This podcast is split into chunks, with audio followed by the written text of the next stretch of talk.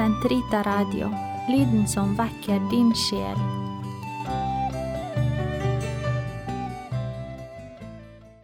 Den katolske kirkes katekisme, uke 49, fredag 1633 til 1637.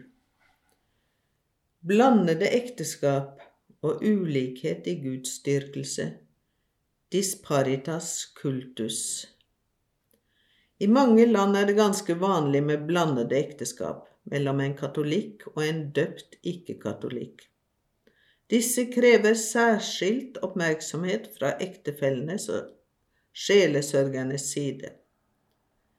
I tilfelle ekteskap med ulikhet i gudsdyrkelse, disparitas cultus, mellom en katolikk og en ikke-døpt, er enda større påpasselighet påkrevet. Forskjell i kirketilhørighet mellom ektefeller utgjør ikke noen uoverstigelig hindring for ekteskap når de er i stand til å dele det de har tatt imot fra hvert sitt kirkesamfunn, og å lære av hverandre hvordan hver av dem opplever sin trofasthet mot Kristus. Men vanskelighetene med blandede ekteskap skal heller ikke undervurderes. De skyldes den kjensgjerning at splittelsen mellom kristne ennå ikke er overvunnet. Ektefellene kan komme til å oppleve splittelsens tragedie innenfor hjemmets fire vegger. Forskjell i gudsdyrkelse kan ytterligere forsterke disse vanskelighetene. Ulikheter i synet på tro, ja, også i synet på ekteskapet, men også ulik Religiøs mentalitet kan bli kilde til spenninger i ekteskapet, særlig angående barneoppdragelsen. Da kan fristelsen til religiøs likegyldighet fort melde seg.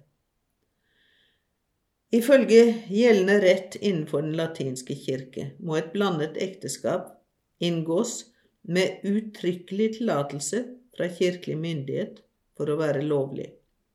I tilfelle disparitas cultus må det foreligge uttrykkelig fritak fra forhindringen for at ekteskap skal være gyldig.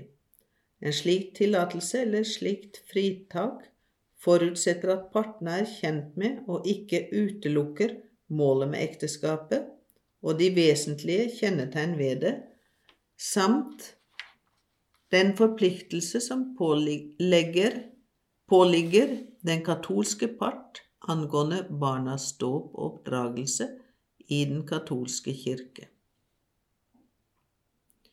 I mange deler av verden har det takket være den økumeniske dialog lykkes angjeldende kirkesamfunn få i stand felles sjelesorg for blandede ekteskap. Den har til oppgave å hjelpe ektefellene til å leve i sin spesielle livssituasjon i lys av troen. Den skal også hjelpe dem til å overvinne spenninger mellom de forpliktelser de har mot hverandre, og de forpliktelser de har overfor sine respektive kirkesamfunn. Den skal oppmuntre til å utvikle det som de har felles i troen, og til å bære over med det som skiller dem ad. I ekteskap med ulikhet i gudsdyrkelse påligger det den katolske part en særlig oppgave. For den hedenske ektemann helliges gjennom hustruen, og den hedenske hustru gjennom sin troende ektemann. Første kor 7.14. Det er en stor glede for den kristne ektefelle og for Kirken dersom denne helliggjørelsen fører til at den andre frivillig omvender seg til den kristne tro. Oppriktig ekteskapelig kjærlighet, ydmyk og tålmodig etterlevelse av familielivets dyder og utholdende bønn kan forberede den vantro ektefelle på å ta imot omvendelsens nåder.